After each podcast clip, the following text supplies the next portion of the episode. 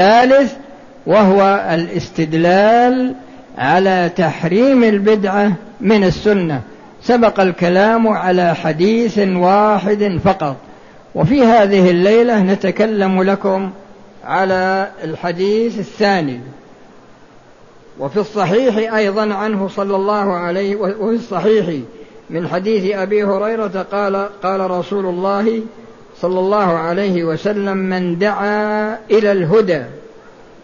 كان له من الأجر مثل أجور من يتبعه.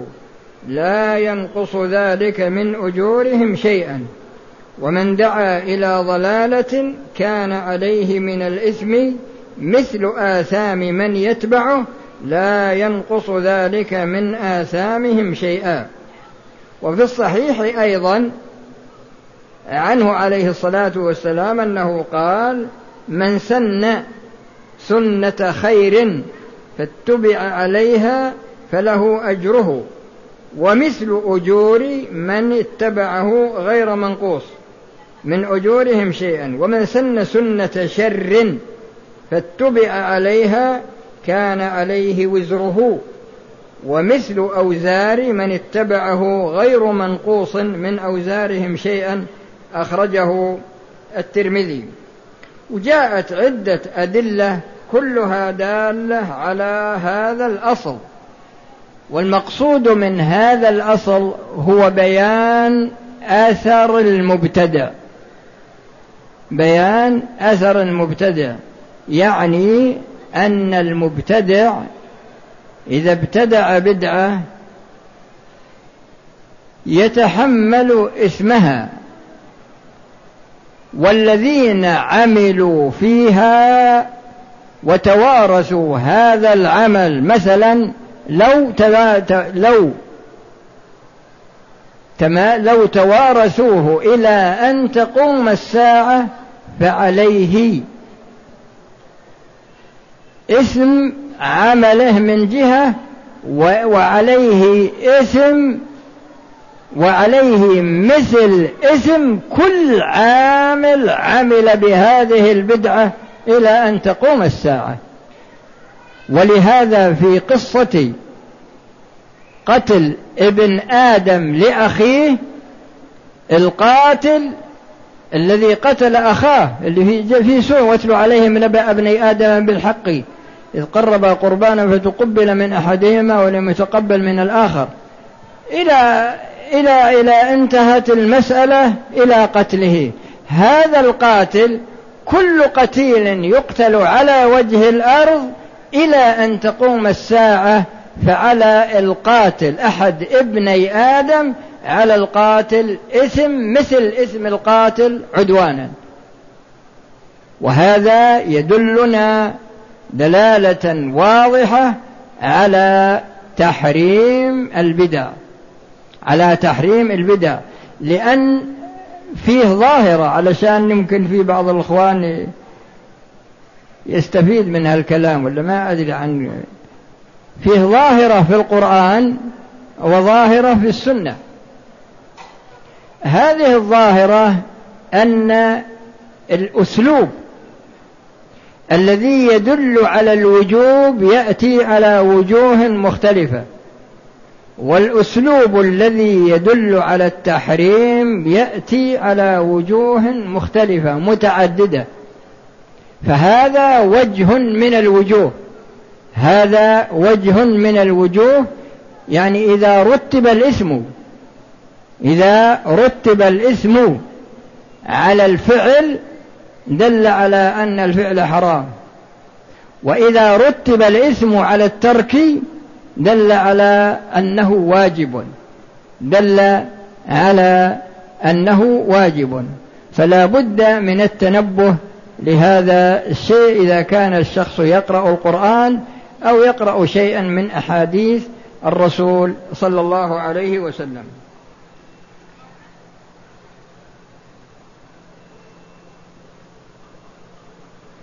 بعد هذا يقول وروى الترمذي أيضا وصححه وأبو داود وغيرهما عن العرباض بن سارية قال صلى بنا رسول الله صلى الله عليه وسلم ذات يوم ثم أقبل علينا فوعظنا موعظة بليغة ذرفت منها العيون ووجلت منها القلوب. فقال قائل يا رسول الله كأن هذا موعظة مودع. فماذا فبماذا تعهد إلينا؟ قال أوصيكم بتقوى الله والسمع والطاعة وإن كان عبدا حبشيا يعني وإن أمر عليكم عبد حبشي فإنه من يعش منكم بعدي فسيرى اختلافا كثيرا فعليكم بسنتي وسنة الخلفاء الراشدين المهديين من بعدي تمسكوا بها وعضوا عليها بالنواجذ وإياكم ومحدثات الأمور فإن كل محدثة بدعة وكل بدعة ضلالة وروى علي وجوها وروي على وجوه من طرق. وفي الصحيح عن حذيفة أنه قال يا رسول الله هل بعد هذا الخير شر؟ قال نعم. قوم يستنون بغير سنتي ويهتدون بغير هدي. قال فقلت هل بعد ذلك الشر من شر؟ قال نعم. دعاة على نار جهنم. من أجابهم قذفوه فيها. قلت يا رسول الله صفهم لنا. قال نعم هم من جلدتنا ويتكلمون بألسنتنا. قلت فما تأمرني إذا أدركت ذلك؟ قال تلزم جماعة المسلمين وإمامهم.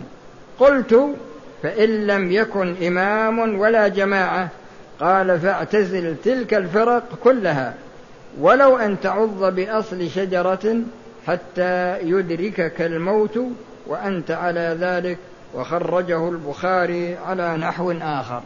فالمقصود من سياق هذا الكلام أن الشخص في خط سيره إلى الله لا بد أن يميز بين ما يعمله هل هو سنة أو بدعة. وإذا أشكل عليه الأمر فعليه أن يسأل أهل العلم لأن الله جل وعلا يقول فاسألوا أهل الذكر إن كنتم لا تعلمون والحمد لله رب العالمين وصلى الله وسلم على نبينا محمد وعلى آله وأصحابه أجمعين. في أسئلة؟ هذا هذا هذا سائل يقول كيف نجمع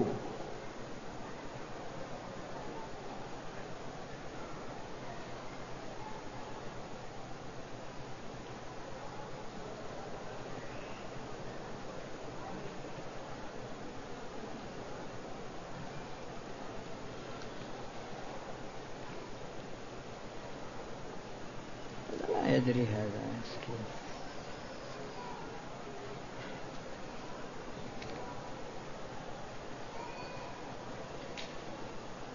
يقول هذا وأصل الشريعة إذا إيش؟ ما أدري وش هالكلام هذا.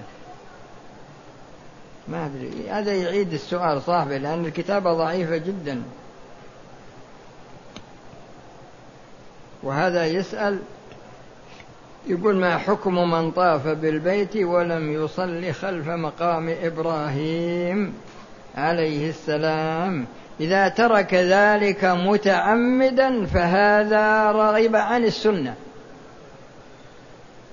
وليس من الحكمة ولا من الأدب ولا من الاتباع أن الرسول أن الشخص يعلم سنة الرسول صلى الله عليه وسلم يقول أنا ما بها هذه.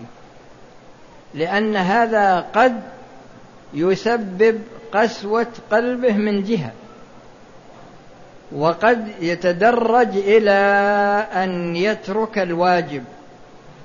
ولهذا جاءت الشريعة جاءت الشريعة بأمور وجاءت بحمى.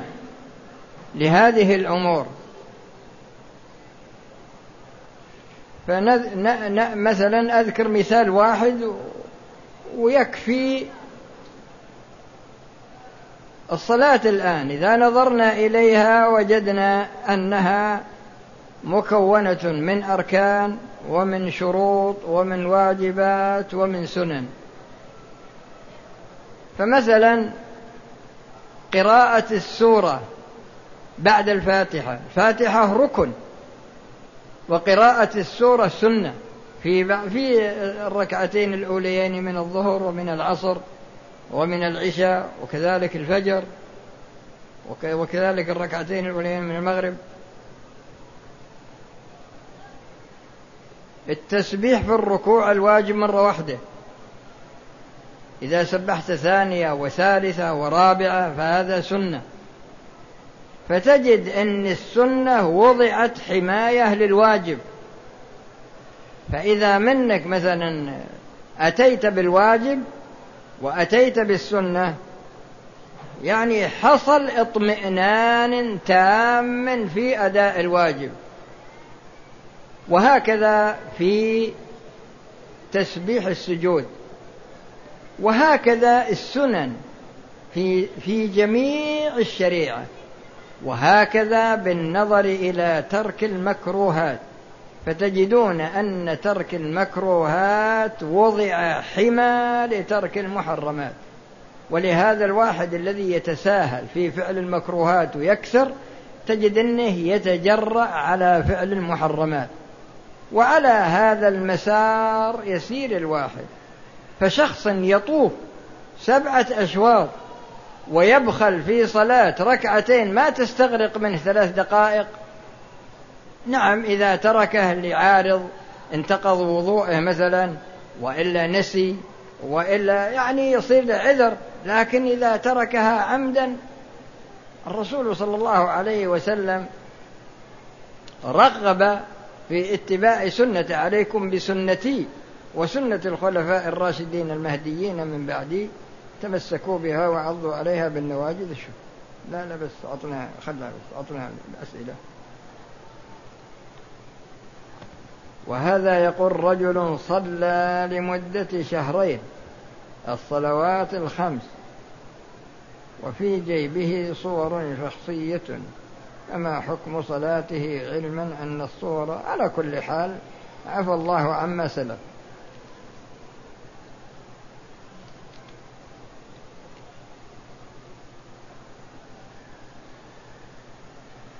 وش هالكلام هذا؟ ما هو أصل الشريعة؟ وش أصل الشريعة؟ ها؟ ها؟ لا ما ذكر الاستثناء من رأسك أنت هذا. لا لا. هذا من رأسك. الأصل في الشريعة هو عدم الاستثناء والاستثناء طارئ. ولهذا ما يستثنى إلا بمستند شرعي. ما يستثنى إلا بمستند شرعي. الحين فيه ناس في بعض الجهات ما إحنا مسمينها. إذا بلغ الرجل عندهم منزلة من علمهم هم. أسقط عن نفسه التكاليف. مرة. يعني وصل إلى درجة ضمان دخول الجنة فما يحتاج إلى زيادة عمل. هذا موجود. وهذا من طواغيت الإنس. لأن الرسول ما وسعه الخروج عن الشريعة. وعمر أبو بكر. يقول الرسول صلى الله عليه وسلم وزنت بأهل الأرض فرجحت. ووزن أبو بكر بأهل الأرض فرجح ووزن عمر بأهل الأرض فرجح ثم رفع الميزان. الرسول ما خرج عن الشريعة. أبو بكر ما خرج عن الشريعة. عمر رضي الله عنه يقبل الحجر. الأسود هنا ويقول والله إني لأعلم أنك حجر لا تضر ولا تنفع. ولولا أني رأيت رسول الله صلى الله عليه وسلم يقبلك ما قبلتك. فهذا في دقة الاتباع. لكن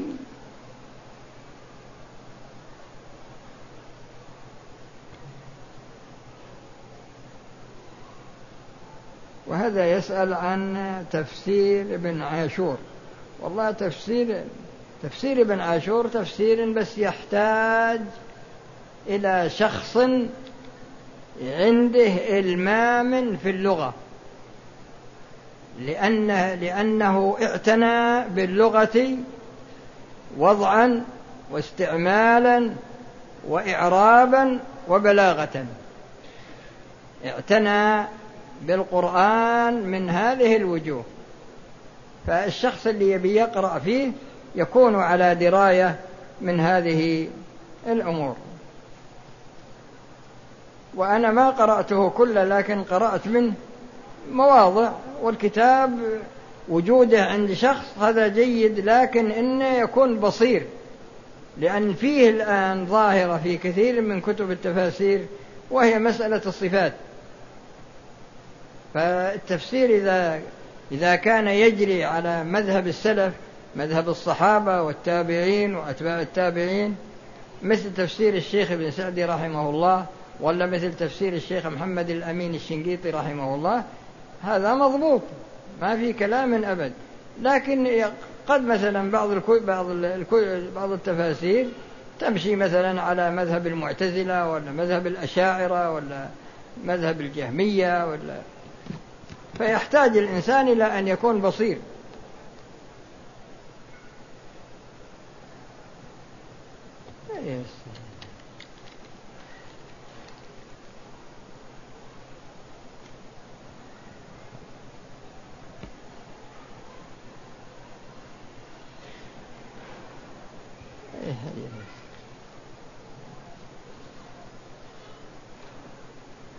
لكن صحح الفهم هذا فهما غلط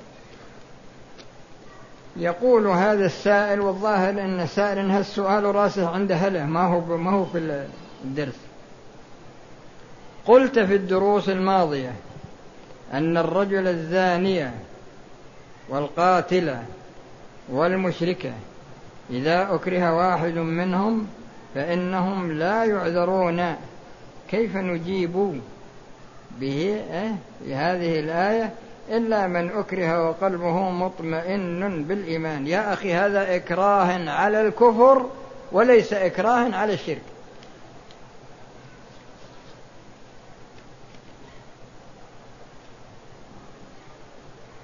وهذا يقول عند بداية الطواف يستلم الحجر الأسود.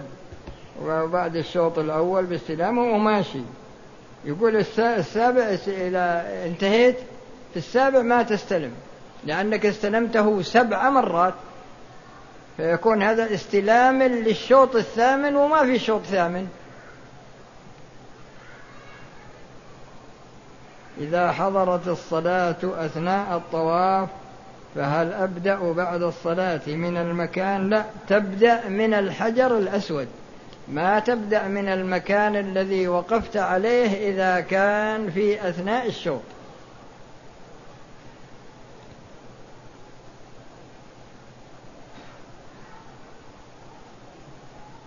وهذا ما هذا ما من جنس الأول راسه عنده هله. هذا يقول أين يكون مكان الصف الأول في الحرم؟ الكعبة لها أربع جهات. كل جهة فيها صف فكل جهة المعتبر فيها الصف الأول وليس المعتبر الصف الأول الذي في جهة الإمام. الذي في جهة الإمام معتبر الصف الأول في جهة فقط لكن الجهات الأخرى لا. كل جهة لها صف أول.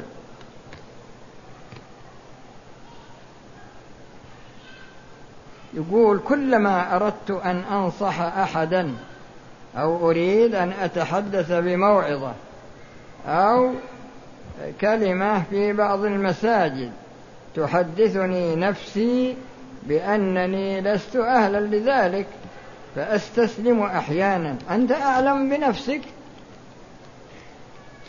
إذا كنت عالما بما تقول لأن في بعض الناس يكون عنده شجاعة لكن ما عنده علم. يكون عنده شجاعة في الكلام. لو يقعد يحكي مثل الماكينة التوماتيك هذه. لو يجلس عندك حتى ساعتين ثلاث ساعات ما يسكت. لكن إنك ما تأخذ من كلامه كلمة نافعة. فبعض الناس يصير عنده شجاعة ويصير عنده جرأة لكن ما يصير عنده علم. وبعض الناس يصير عنده علم لكن ما يكون عنده يعني جرأة. فإذا كان الإنسان عنده علم يحتاج إلى تدريبه نفسه يدرب نفسه على الكلام مع الناس حتى يصل إلى درجة أنه يستطيع إيصال العلم. وله بلازم أن الواحد إذا بغى يتكلم يتكلم ساعة ساعتين لا. يتكلم خمس دقائق لكنه يتقن الكلام يتقن المسألة التي يريد أن يتكلم عنها. ما يقعد يخبط من هنا وهناك.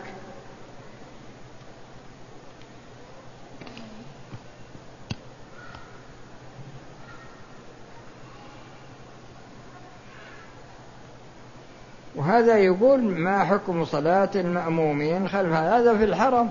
يعني يقول مثلا الجهة الثانية هذه أقرب إلى الكعبة من الجهة اللي فيها الإمام. هذا ما له علاقة في الإمام يا أخي. العبرة بالصف الذي عند الإمام.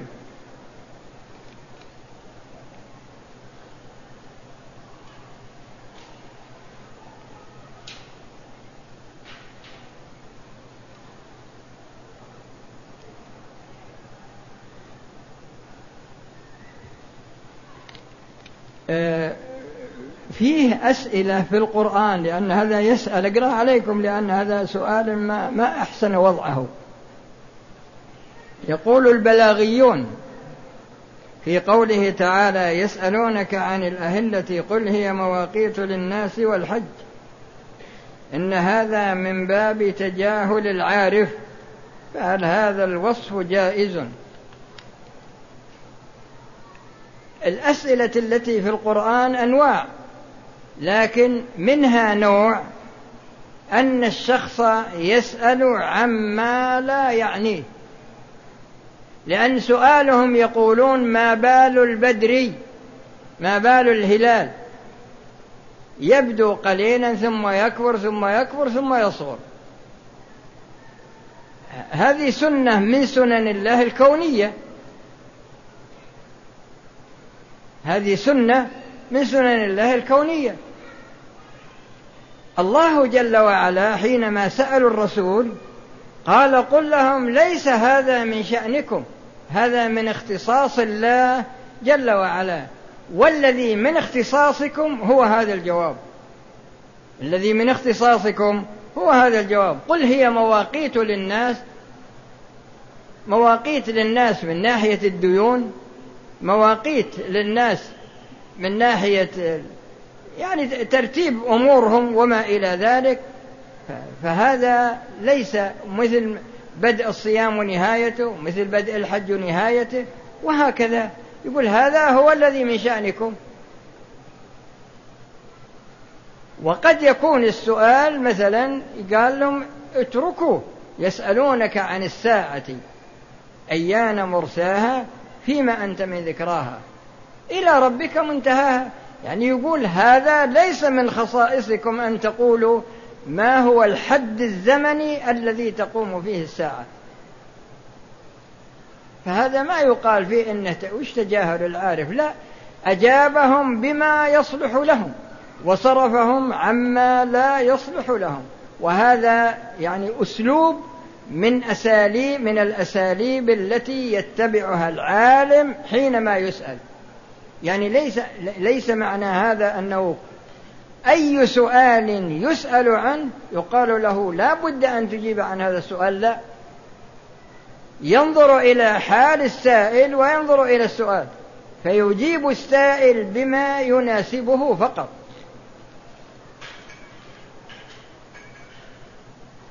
ولهذا قال تعالى يا أيها الذين آمنوا لا تسألوا عن أشياء إن تبد لكم تسؤكم. وإن تسألوا عنها حين ينزل القرآن تبد لكم عفى الله عنها والله غفور حليم. ولهذا لما وقف الرسول صلى الله عليه وسلم قال ما لا, لا تسألوني عن شيء إلا أجبتكم. فقام رجل فقال يا رسول الله أين أبي؟ قال أبوك في النار. فتغير وجهه فقال إن أبي وأباك في النار. ثم قال شخص فقال من أبي؟ قال أبوك فلان وهكذا. فالمقصود أن الشخص السائل يتحرى أن يسأل عن الشيء الذي يستطيع أن يطبقه. لكن يصير ملقوف كل ما خطر في باله ألقاه وقال لازم تجيبوني على هذا السؤال. موجود أسئلة كثيرة في يكتبونها بعض الأشخاص كلها خارجة عن حدود الأدب.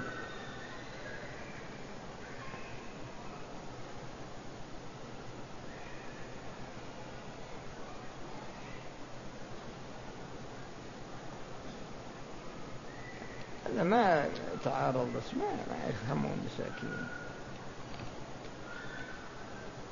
وهذا يسأل الظاهر إنه ما من لحيته هذا. ما حكم حلق اللحية؟ يا أخي ما يجوز. الرسول أعفاها وأمر بإعفائها ويقول هو مع أن بعض الشافعية يقولون بالكراهة لكن الرسول إذا أعفاها وأمر بإعفائها أقول قال رسول الله وتقولون قال أبو بكر وعمر. وش الكلام هذا؟ مثل الآن ظاهرة من أسوأ ما يكون الآن. في مسألة في مسألة تحرير المرأة. تحرير المرأة الآن من الدول الكافرة يريدون إخراجها من دائرة الإسلام تماما لكن بطريقة تدريجية. ويسمون تحرير المرأة وحقوق المرأة وحقوق الإنسان. فالله جل وعلا يضع حقوقا. والرسول يضع حقوقا وهذه الحقوق مستقرة إلى أن تقوم الساعة. ونقول هذه الحقوق التي وضعها الله وهذه الحقوق التي وضعها الرسول صلى الله عليه وسلم هذه غير صالحة. ونجيب مثلا نقول الحقوق اللي يفرضها فلان ولا علان هذه هي الحقوق الصحيحة. هذا من آه، من عدم فهم الشريعة في الحقيقة.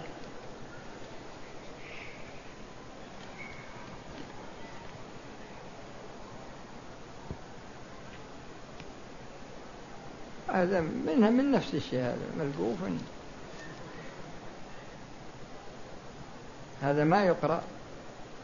أعطنا شيئا يقرأ.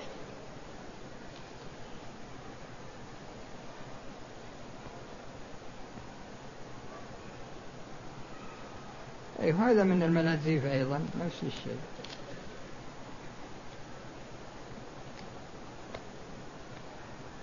وهذا يقول إن المرور بين يدي المصلي في الحرم هو ما يقطع الصلاة لأن هذه ضرورة لا بد منها.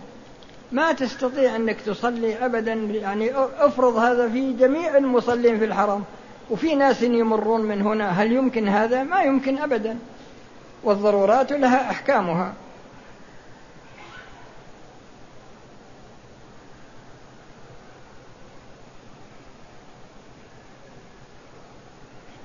هذا يقول هل الفرق الثلاث والسبعون.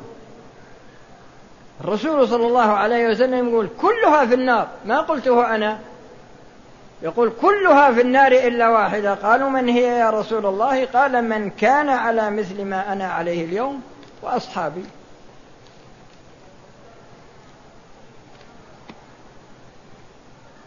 وهذا يقول ما حكم من طاف بالبيت ولم يصلي ركعتين خلف المقام ينقص أجره بقدر الركعتين. له أجر الطواف لكن فاته أجر صلاة الركعتين. شوف أعطنا الباقي.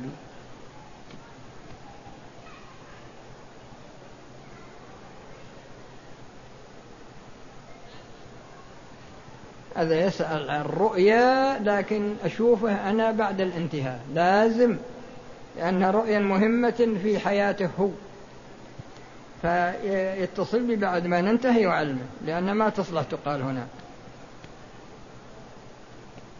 أصوم وقد يدركني أذان المغرب وأنا في حال الطواف فهل هناك بأس إن أكلت بعض التمر وأنا في حال الطواف؟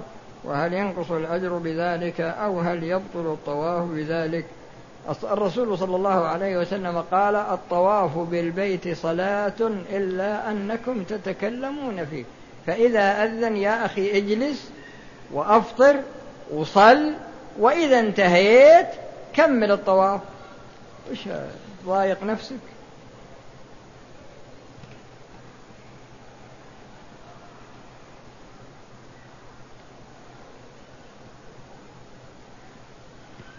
وهذا يقول يقول هو يجوز الواحد يدرس مثلا في جامعة تخلط البنات والبنين في مقعد واحد. يعني بنت هنا وأنت هنا. لا ما يجوز يا أخي.